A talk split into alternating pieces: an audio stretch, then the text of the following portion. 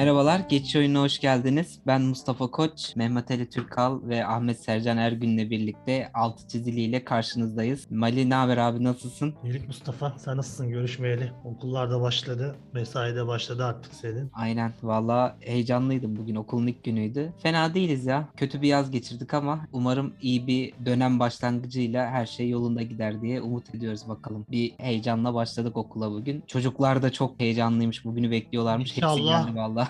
Eğitim öğretim yılı tamamlanır bu sene tamamen yüz yüze şey. Valla umarım öyle olur. Herkesin şu an beklentisi o yönde. Yani herkes daha kapanmaz gözüyle bakıyor. Çünkü geçen sene okul başladığı zaman zaten başlayamamıştık da bir hafta falan gidip herhalde hemen geri dönmüştük uzaktan eğitime. Şu an herkesin beklentisi devam edeceği yönünde. Pandemide okula başlayan çocuklar şu an 3. sınıfta. Okula gitmeden 3'e geçtiler Evet. falan böyle Evet garip yani bir dönem. çok, çok derin problemler var. Özellikle ilkokullarda dediğin gibi. Lisede de bam- bambaşka sorunlar var. Ee, üniversiteye hazırlık konusunda özellikle. Zaten bu sezon sene üniversite sınavında baraj da iki defa düşürüldü biliyorsunuz. Yani çok derin mevzular var. Hani burada uzun uzun konuşup tartışmayalım ama e, umarım e, bir daha böyle bir şey yaşamaz tüm dünya. Yani böyle bir durumla karşı karşıya kalmayız. Ee, özel- Abbas Güçlü özel yayını yaparız seninle. Yapalım abi. Şeyden Marmara Üniversitesi salonlarından seslenelim. Ahmet senden ne haber abi? Sen nasılsın? Abi Pardon, Ahmet Ahmet- diyorsun sürekli. Pardon Ahmet Sercan. Abi o kadar o kadar zamandır görüşemedik ki adamla artık adı ilk adamın e, Ahmet olduğunu bildiği için adam bana o şekilde sesleniyor. Sıkıntı yok. Bana bir Almanca hocam böyle sesleniyordu. Bir de Mustafa Hoca Sergen işte. Yalçın'a da Ali Rıza diyorsun herhalde Mustafa. Tabii ki Evet abi, adam- sesleniyorum hocam. Sam- abi adam samimiyetten yani siz bunu göremiyorsunuz.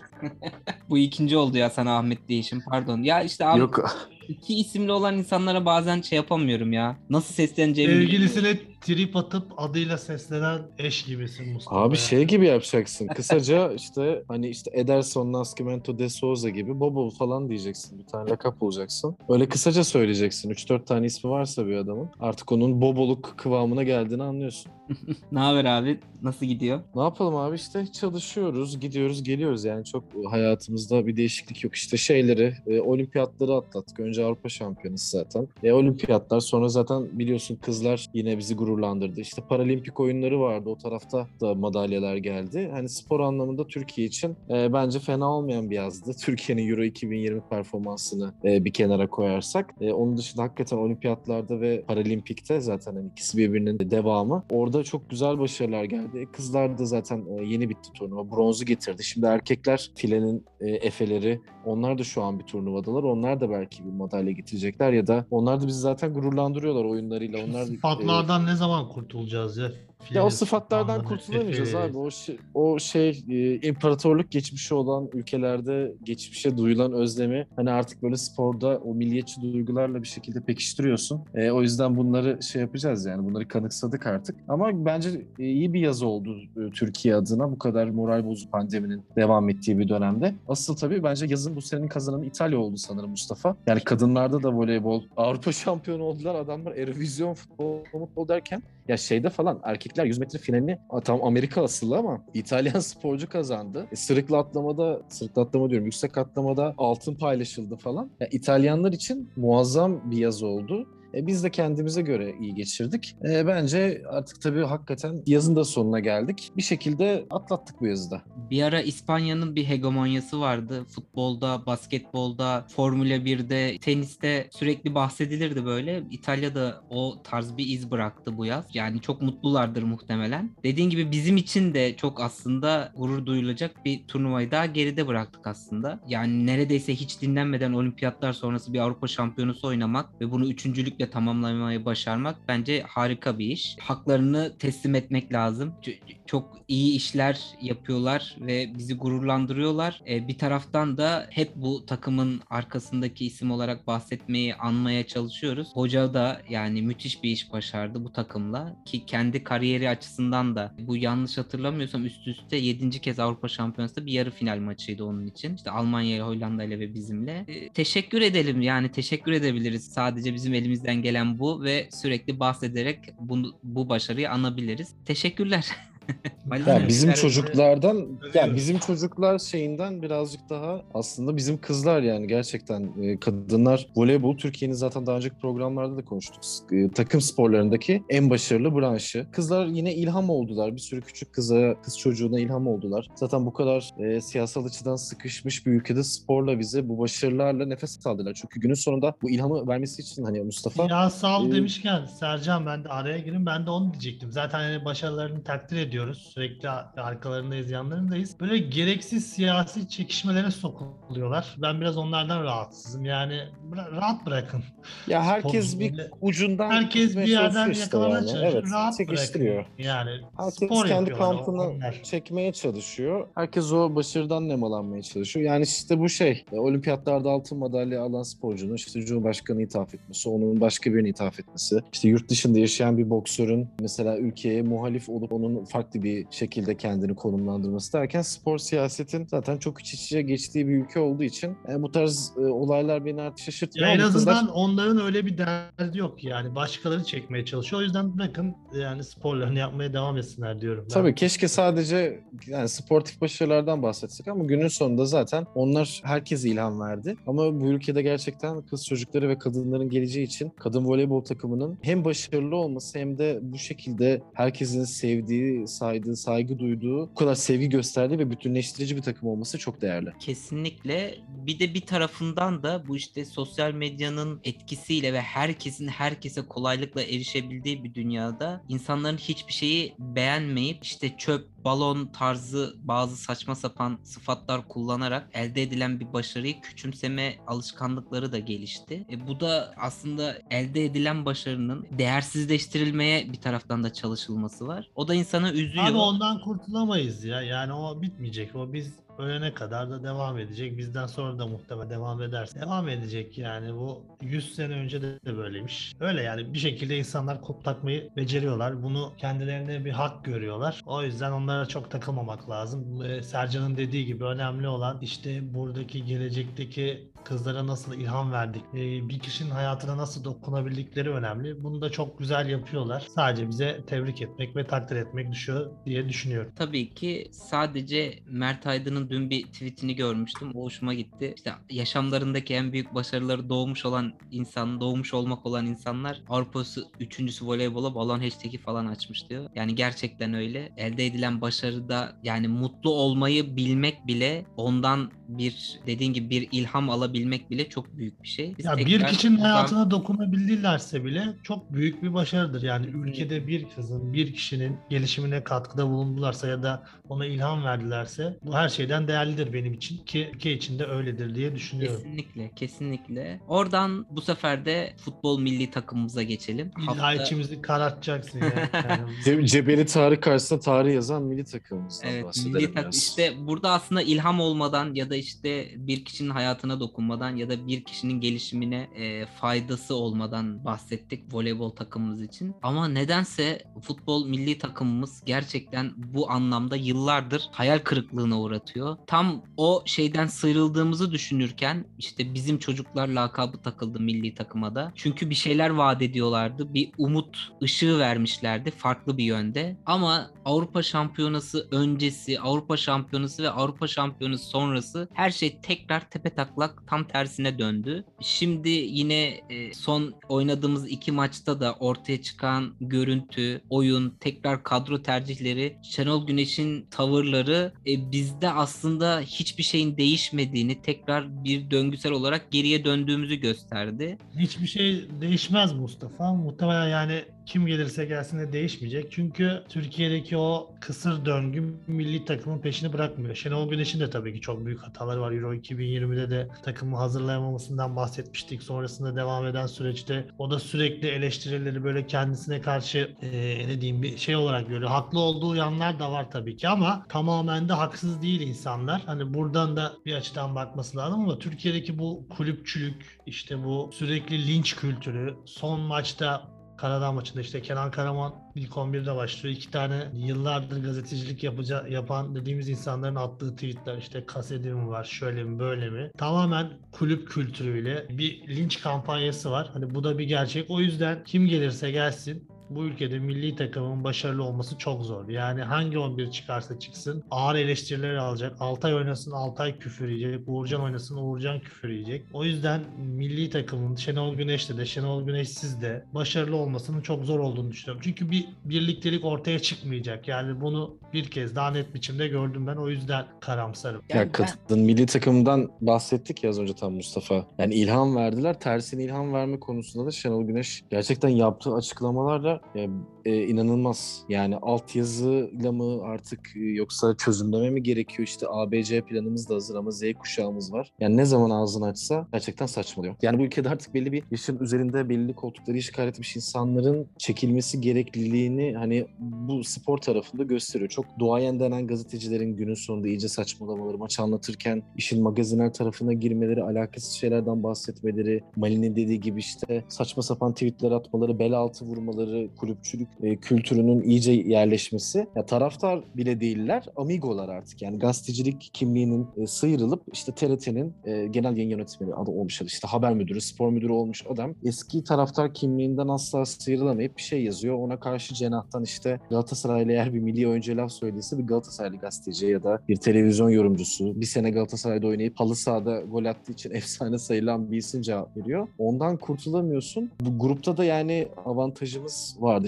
Karadağ'da 90 artı 7'de o yemeseydik. e, şu an bir galibiyet öndeydik. Ama içeride yine kadro konusunda işte tamamen takıntılı bir teknik adam var. Oyun olarak çok bir yere gitmedi. Cebel Tarık'a karşı o penaltıyı bulsaydık farklı maç olurdu belki ama zayıf rakipleri bile açamayan, sıkıntı yaşayan bir takım. Belli şeyleri yapan ama işte onun üstüne bir noktada koyamayan bir takım. O yüzden e, bu Dünya Kupası da çok kolay değil yani Avrupa Şampiyonası'na katılmak çok daha kolay. Kıtanın yarısı iki takımdan biri neredeyse UEFA'nın 48-50 üyesi varsa 24 turnuvaya gidiyor biliyorsun Mustafa. Dünya Kupası'nda öyle bir şey değil. Avrupa kıtasından belli bir kontenjan var. Güney Amerika var. Hani oralarda sen- senin başarılı olan yani o grubu birinci bitirmen lazım. Ve Hollanda'ya karşı iyi başlamışsın. Avantajın var. E, ilerle ama bu kısır döngünün kadro seçimlerinin bir şeylerin dışına çıkmıyor. Yani Kenan'ın oynaması, Enes'in oynaması ya da başka bir oyuncunun oynaması kadro tercihlerinden de ziyade farklı tartışmaların içinde buluyoruz kendimizi. O yüzden milli takımın işte yani bu kadar umut veren bir takımın yani nasıl diyeyim işte halk ilişkiler kampanyası olarak düşündüğünde bizim çocuklar sloganı turnuvaya gidip sportif olarak başarısız olabilirsin ama turnuvada hiç mücadele etmeyen tek takımdık. E döndük elemeler başladı aynı kadro bir şey yok oyun olarak hiçbir şey vaat etmiyor. Teknik adam tartışmalı bir isim ama asla kendisinde hata gören biri değil ki ülkenin genel olarak insan kültürü böyle. Bu Şenol Güneş özelinde bir şey değil. Kulüp teknik adamlarında da herhangi bir işte de böyle. O yüzden hani bunun da yansıması ligimize de oluyor. İşte transferler de aynı şekilde falan. Belli yaş grubunda oyuncular geliyor. inanılmaz sayıda transferler yapılıyor. Hiçbiri birbirinden bağımsız değil. O yüzden çok tünelin sonunda e, pek bir parlak ışık göremiyorum. Yani birazcık da birlik beraberlikten bahsetti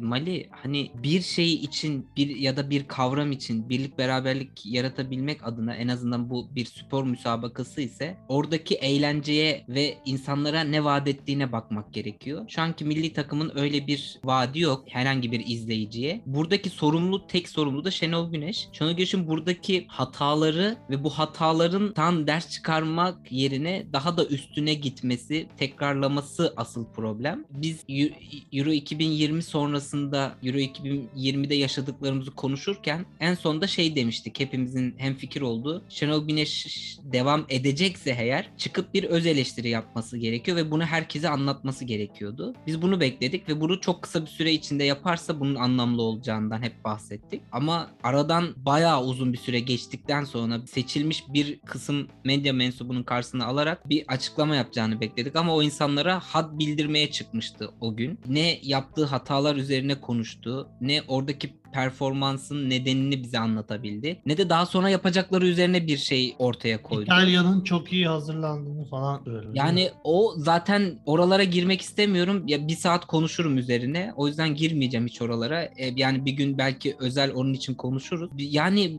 teknik direktörlerimizde de bu var. Bu Şenol Güneş'te de var. Fatih Terim'de de var. Sergen Yalçın'da da var. E, Tolunay Kafkas'ta da var. Hepsinde bu var. E, karşısına e, kimi aldılarsa basın mensubu hat bildiriyorlar. Oraya hat bildirmek için değil yaptığı işi açıklamak için çıkıyorlar aslında. Neden bu maç böyle oynadık? Mustafa bir de Nasıl- karşı tarafta Ne karşı tarafta sıkıntılı. Yani basın mensubu diyebileceğin kaç kişi var Allah aşkına yani. Şimdi o o, tabii ki ayrı ya. bir problem. Ancak basın mensubu şu an bize aracılık yapmak için orada. Tabii ki Öyle bir, bazı öyle bir sorularla kişi kaç yani kaç tane var basında bu işi yapan? Yani 50 tutulur sayamazsın. Bir parmağın geçmez. Tabii ki ben buna katılıyorum. O farklı bir konu ama şunu şunu anlatmaya çalışıyorum. Şu an bize aracı olmak için Şenol Güneş'in karşısına oturmuşlar ve tabii ki bazı işte sorularla ya da imalarla konuları farklı yere çekmeye de çalışmış olabilirler. Sorun o değil. Sorun Şenol Güneş'in oraya oturma nedeni. Oraya herkese ve o basına hat bildirmeye oturmuştu. Kendini ya da yaptıklarını ya da yapamadıklarını açıklamak için oturmamıştı. Sorun orada. Tabii ki basın mensuplarının da gerçekten bir basın e, mensubu olduklarına dair soru işaretleri var. Tümer Metin de oradaydı mesela atıyorum. Yani ne işi vardı? E, merak ettim. Tümer Metin'in oraya gitme sebebi de belli. Hani yıllar önce Rüştü Reçber'in Fatih Terim'e yazdığı bir yazı vardı. Hani Hı hı. ondan sonra ne gördün ne duydun. Tümer Metin de benzer şekilde oraya geldi. İşte yani dediğim gibi oraya oturma amacı zaten bu değildi. Benim zaten takıldığım nokta bu. Onun üzerine yola devam etti. E, devam etti ve ilk çıktığı maçlardaki sahnede yani her şey ortada. E, Buradaki Zaten buradan sağlıklı bir ilişki doğması artık çok zor. Yani Zor. bu bunları yaşadıktan sonra yani Hollanda ile maçımız yarın. Yayını pazartesi akşam çekiyoruz ama Hollanda'yı yensek bile yine ilk sorunda yine tepe taklak olacağız. Yani hiçbir şey değişmeyecek. Şu vardı. yüzden- Avrupa Şampiyonası öncesi? Şenol Güneş her şeye rağmen çok seveni yoktur. Her şeye rağmen çok büyük bir destekle gitmişti Avrupa Şampiyonası'na. Ama biz Dünya Kupası'na katılma hakkı elde etsek bile oraya o destekle gitmeyecek, gidemeyecek. Yani acaba burada ne yapacak? Acaba burada nasıl bir oyun oynayacağız? Yine kimi seçti? Bunu niye seçti? Şunu niye almadı? Destekle gitmedi ya. Yine aynı benzer eleştiriler devam ediyordu. Yani Sadece ben bir Şenol Aşağıda alıp kalıyordu. Bence Şenol Ee, Güneş'in alıp alabileceği en büyük destekle gitmişti açıkçası. Sonuç geldiği için o sesler biraz bastırılıyordu. Yoksa devam ediyordu yani. Benim gördüğüm. Ama bu da yani Şenol Güneş'in öz eleştiri yapmasını engellememeli tabii ki. Sana sonuna kadar katılıyorum. Yani bu taraf var evet bir gerçek. Çok ağır eleştiriliyor. Belki linçe uğruyor ama bu durum öz eleştiri yapmamasını engellememeli. Yani bunun arkasına sığınmamalı Şenol Hoca. Yani bir de hani, bu girmeyecektim çok ama bir de mesela şey var. Biz şeyden de çok bahsetmiştik. Hani Avrupa Şampiyonası'na böyle bir teknik kadroyla mı gidilir? Yanına sadece Bayram Bektaş'ı alıp gitmesini falan da eleştirmiştik. Sonra Fenerbahçe'den Emre Belezoğlu ayrıldıktan sonra onunla görüşmeye ve işte yardımcısı olarak almaya çalıştı. Ki Avrupa Şampiyonası'na gitmeden önce de galiba böyle bir niyeti ya da isteği varmış. E sonra anlaşamadılar. E yok mu yani başka hiç kimse milli takımda yardımcılığını yapacak Şenol? Yani bu kadroyu neden genişletmiyor? Neden hala daha bir şeyler katmıyor? Yani bu ısrar, bu inat Orada neden? orada bir yardımcıdan ziyade Mustafa bir onay makamı yani biraz böyle ya bir şey demek istemiyorum da e, öyle bir onay makamı gibi bir şey aslında hani bunu bunu böyle yapalım tabii ki hocam siz daha iyi bilirsiniz hocam diyen hık diyicinin gık diyicisi diye bir deyim vardır. Öyle birini arıyor. Bu Fatih Terim'de de bence aynı durum var. Galatasaray'ı Galatasaray'da da işte dördüncü dönemi bir kimse yetiştirmedi. Yani yerine gelebilecek normalde eğer Galatasaray'ı bu kadar seviyorsa hayatına adadıysa onunla alakalı şüphem yok. O başka bir nokta. Ee, eleştirmek falan ayrı bir nokta ama e, bir kim kimse yetiştirmedi. Yani kendisinden sonra Tufan. Yani Fatih Terim'in e, taktiksel olarak kendisini zorlayacak, yer, yerine yetiştirebilecek genç bir teknik adam yok. Yanında onun da işte Necati Ateş var mesela. Necati Ateş'in e, Galatasaray'ın oyununa nasıl bir etkisi var? Galatasaray zaten işte oyun oynamıyor. Bunun sebebi işte yardımcılar mı yetersiz? İşte olayı tamamen bu sefer ihaleyi başka bir yerden alıp işte Şenol Güneş'ten, Fatih Terim'den bağımsız ya yardımcılar iyi. Yardımcıların e, işi o değil yani bu kadar e, futbolun profesyonel olduğu milyon euroların döndüğü gerçekten çok büyük paraların harcandığı ve kendini devler sahnesinde gören, dev aynasında gören bir ligde e, taktiksel anlamda bir şey vaat eden 3 tane falan hoca var. Diğerleri zaten işte geçen Twitter'da vardı Süper Lig Generator diye. Adam yapmış gerçekten en sonunda ufak bir aplikasyon. Yani şeyde tarayıcı üzerinden tıklıyorsun abi herhangi bir hoca geliyor. İlhan Palut gidiyor, Yavuz Yaz Koşukavak geliyor. O an İşte kim bugün bir tweet boştaysa. gördüm. Abi zaten şey yani Bent mesela işte Korkmaz geldi Alanya'ya. Ya- ya Kasımpaşa'ya, Kasımpaşa'da mesela zaten hani bir e, Kasımpaşa'nın sürekli hocası kimdi ya Mali? Bir sürekli gelen bir hoca var ya. Ha, ha. 7 7 8 Fuat, kez geldi. Fuat Çapa mı? Yok Hayır, yok. Fuat, Fuat Hoca değil. Fuat Hoca da gelebilir. Fuat Hoca bir Gençler Birliği üzerinden o Ankara aktarmalı gidiyor. Biliyorsun. O önce bir Ankara aktarması yapıyor. Ankara gücü para varsa Ankara gücüne falan da gidebilir. Hani Ankara gücü Hikmet Hoca yoksa Ankara gücüne gidebiliyor. Ha Kemal Özdeş. Ha, Abi Kemal yani doğru. 8. Kemal Özdeş adam bir şey Hitit kralı gibi yani 8. Kemal abi 8 kez falan kasıp yani mesela ya o adamı tut or. Mesela Kemal Özdeş birini yetiştirdi. Mesela 8. Kemal... Kemal... Özdeş deyince aklıma rahmetli Süleyman Demirel geldi. O da Hep başbakan. Evet abi yani koalisyon dönemleri ama biliyorsun o zaman ülkede şey yok buzdolabı falan hiçbir şey yoktu. Taş. 30 Taş devrinde. emeklilik dönemleri. Evet abi ya o bambaşka zamandır. Ya onun gibi işte o siyasiler de kendi yanlarında kimseyi istemediler. 30 yıl boyunca aynı parti yönettiler. Hani bunun siyaseten yansıması bu. Bu kadar çok paraların döndüğü bir yer. Ya Allah aşkına şu anda Türkiye Ligi'nde yapılmış transfer sayısı 239 olmuş 4 Eylül itibariyle. İsmail Şayan'dan alıyorum ben şeyi, alıntıyı. İki gün önce 239'du. Bu 250'yi geçti. Daha bugün transferler işte Sivas Fiyort'tan adam falan getirdi tane. E, zaten 28-29 yaş Kuzeyli Muzeyli artık bir tane menajerlik şirketi bulduğunu getiriyor. Ya Premier Lig bizden 130 tane daha az transfer yapmış. La Liga 105 tane, Bundesliga 108 böyle gidiyor. Yani bize en yakın gördüğüm kadarıyla işte Serie A var ama Serie A'da da yeni yükselen takımlar 10-15 transfer yapıyor bizim ligdeki gibi. Yani bizimkiler 15 yapıyor. Geçen sene çıkan 20 yapıyor. Giresun 30 tane yapıyor. Bu ikinci ligde de aynı. Mesela Samsun geçen sezonki kadrosundan 23 oyuncu gönderip 24 tane mi ne göndermiş. Ya böyle bir ortamda hiçbir şeyin sabit olmadığı, hocaların her hafta bavulunun kenarda hazır olduğu, deprem çantası gibi çantası olan teknik adam mı olur abi yani? Adam şey ya yani şey koyuyor, çerez koyuyor, e, su koyuyor, bir de şey koyuyor. Uğur işte. Karakollukçu mu tweet atmış? okuyacak kitap. Farioli Bilmiyorum hakkında. görmedim. Farioli hakkında aynı eve talip olmuşlar Evet, galiba. Evet abi yani şey kontrat falan yapmamış adam Evet, evle. Aynen bir yıllık yapmamış hani. Ya evle opsiyonlu kontrat yapılıyor. Yani ben ya ben mesela benim dikkatimi çeken bir konu. Hani hazır bu kadar transferlerden bahsetmişken bugün işte düşen bir haber. Göztepe Ünal Karamanlı yolları ayırdı. Nestor El Maestro hayatımda durduğum en karizmatik isimlerden biri ama sır, Sırp bir hoca. Abi adam Suudi Arabistan'ın Altı Avon takımından. Ama yani işte Valencia'da Avusturya altyapı antrenörüymüş falan. Adamın bir kariyeri var. Yardımcı antrenörlükler yapmıştı Bundesliga'da, Avusturya'da. Ama şeyde hocada bile şeye yöneliyorsun ki ben birkaç tane isim çıkardım. Yayından önce de size söyledim. Mesela Meti Benatya bu adam bu adamı 2017 yazında 16,5 milyon euro bonservis dökülmüş. Bu adam 34 yaşında kara gümrüğe geldi. Tartışmalı bir isim ama e, Fas milli takımında işte oynamış 60 tane maçı var. 34 yaşında adamın geldiği takım Al Duhail. Al Duhail son durağı olmasını bekliyorsun böyle bir oyuncunun. Ya da işte Süleyman Dukara bu ligde Osmanlı Spor'da, Antalya Spor'da oynadı. Katanya Elit'te falan geçmiş olan bir oyuncu. Giresun bu adamı El İttifak'tan getiriyor Suudi Arabistan Ligi'nden. Milan altyapısından çıkmış Alexander Merkel diye bir oyuncu var. Kazak milli takımında oynamışlığı var. Gaziantep bu adamı işte Herakles'ten Faysal'a geçmiş. Son durağı bekliyorsun adamın. Suudi Arabistan'dan da geliyor. Bir sürü örnek var. Bak ikincilikte var. Bursa Team Matavz'ı getirmiş. Benatya'nın Dukar- kariyeri yalnız sağlam Ya bir mü- kariyeri var. müthiş tamam, kariyer Duhail'den ama- geldi de. Ama Mali 34 yaşın Al Duhail bu adam artık abi ben paramı E, kazanayım. Hani- Manzukic de Alduhail'den geldi abi.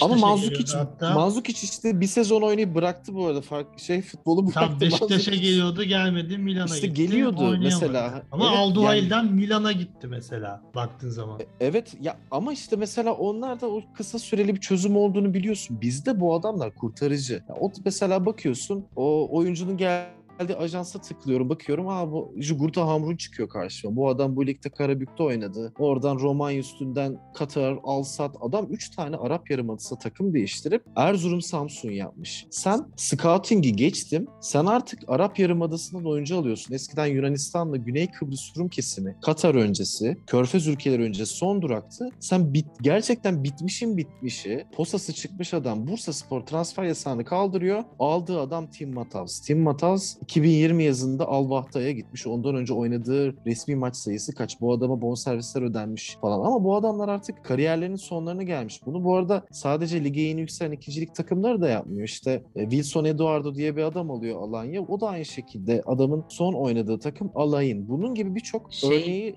e, şey yapabiliriz yani bitmez bu. Ya ben bana çok garip geliyor. Bu sezon özellikle Seviyoruz, Arap seviyoruz. Yarımadası'ndan, Körfez'den inanılmaz bir oyuncu akımı var ve ben bunun e, genel olarak dijital medyada da işte sosyal medyada da ya da geleneksel medyada çok duymadım. Yani birden fazla menajer olabilir. Tek bir menajer kaynaklı görünmüyor bu ama e, garip garip bir şey var ya. Sercan yanlış saymadıysam 13 transfer var sadece Süper Lig'de. Ee, Evet. Arap Yarımadası'ndan yapılmış. Bu yaz İkinci transfer de dönemi var bu arada. Doğrudur ki e, ya hatır, hatırlıyorum Ocak transfer döneminde de Başakşehir falan da almıştı. Bir iki transfer Evet, daha vardı. evet. Oraya bir e, yönelme var dediğin gibi. Yani bir iki nedeni olabilir. Ha bu arada sadece yeni çıkan takımlar değil Alanya falan da var diyorsun. İşte son dönem yaptığı transferlerle ligde de fark yaratan Sivas. Sivas da yaptı aynı şekilde bir transfer. Ya bir iki nedeni olabilir. Dediğin gibi işte bir ya da birkaç menajer aracılığıyla sürekli pazarlanıyor olabilirler. Diğeri de artık yani maliyetler öyle boyutlara ulaştı ki Avrupa'dan herhangi bir küçük ligden bile futbolcu getirmek Evet. acayip maliyetli bir iş. Bonservissiz ya da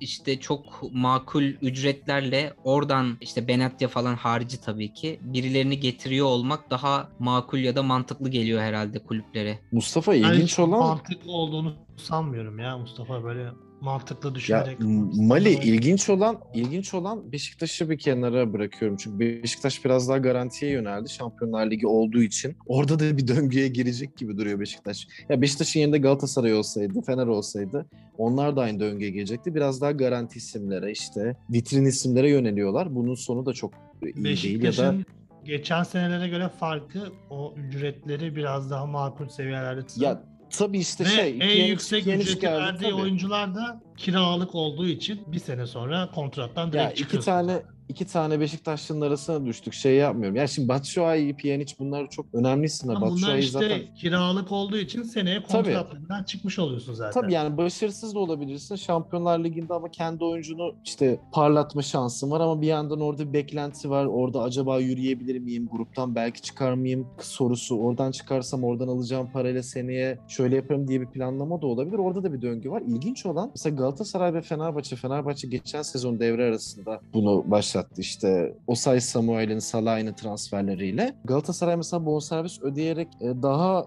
genç yaşlarda oyuncular transfer edip bir iskelet kurmaya kalktı. Bu da do- yani bunun da baş- sportif olarak başarısı gerçekleşmediği zaman büyük bir mali yükü olacak. Ödenen bonservisler takımın zaten takımların zaten bu kadar borcu varken e, onun üstüne Ya eklenecek. O genç da- oyuncuları bir şekilde satıyorsun Evet ya. satabilirsin öyle bir avantajın var. İşte oyuncular milli takımları yükselebilir, bir turnuva oynayabilirler. Uluslar Ligi'nde elemelerde kendilerini gösterebilirler. İşte Avrupa şeyde Konferans Ligi Avrupa Ligi'nde atacakları birkaç golle büyük bir takıma karşı bir performansla kendilerini şey yapabilirler ama ilginç olan hakikaten az önce hani Mustafa'nın dediği mesela Sivas'ı belli bir ara belli bir noktaya şey yapıyorum. Yani ay- ayırıyorum Sivas'ı da Sivas birazcık daha farklı akıl transferler yapıyor birkaç oyuncu hariç. E, Galatasaray Fenerbahçe genç isimlere yönelirken Karagümrük işte Giresun gibi takımlar daha garanti isimlere yöneliyorlar ve yaş ortalaması yüksek. Karagümrük'ün neye yöneldiği belli değil. Değişik. Ya orada bambaşka bir şey var. O başka bir programın konusu hakikaten. Yani neticede bizim takımlardan olmaz zaten. Geldiğimiz durum ortada. 17. 10 sıraya kadar geri saatten sonra Şampiyonlar Ligi'ne de gidemeyeceğiz. Beşiktaş son muhtemelen. Bakalım artık kendi kendimizi izleriz.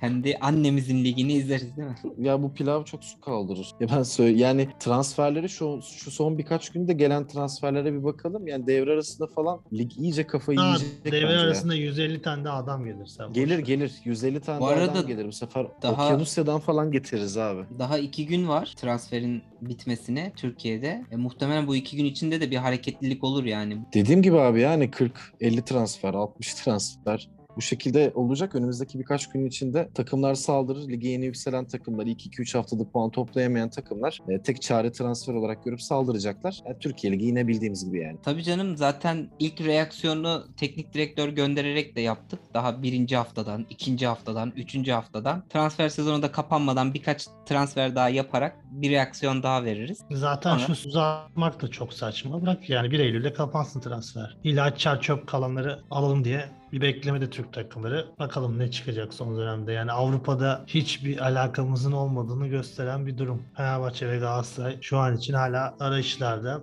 UEFA gruplarının listeleri verildi ama Transfer devam ediyor. Ya şey Ali Koç demişti zaten orada o şey davrandı. Hani transfer yapacağız UEFA için değil lig için yapacağız diye. Zaten Galatasaray'da asla transfer bitmez beyler. kesinlikle. O kimse de bitmiyor abi. Bitmiyor. Biz de bitemeyelim. Hiçbir şey olmazsa devre arası işaret ederiz. Sıkıntı değil. Yapmadığımız iş değil. Değil mi? Ocak'ta her şeyi düzelteceğiz diyerek. Evet abi. Her şey çok güzel olacak filmindeki Altan gibi oyalıyorlar abi. Barı açıyorum. Babamı yanıma alıyorum. Ayla ile de aramı düzeltiyorum. Bitti. evet beyler ağzınıza sağlık. Bu haftada altı çizili de gayet güzel bir sohbet ettik. Bu arada bazı aksaklıklardan dolayı bir iki haftada yapamadık altı çiziliyi ama özlemişim sizinle muhabbet etmek. Biz de aynı şekilde abi. Bomba gibi de döndük bence. Bence de kesinlikle. Evet teşekkür ediyorum. Tekrardan ağzınıza sağlık. Bu hafta Biz teşekkür ederiz. Mehmet Ali Türkal ve e, Ahmet Sercan Ergün'le birlikte haftanın konuşmaya değer altını çizdiğimiz konularını konuşmaya çalıştık kendimizce. Önümüzdeki hafta tekrar görüşmek üzere. Bay bay. Hoşçakalın. Hoşçakalın.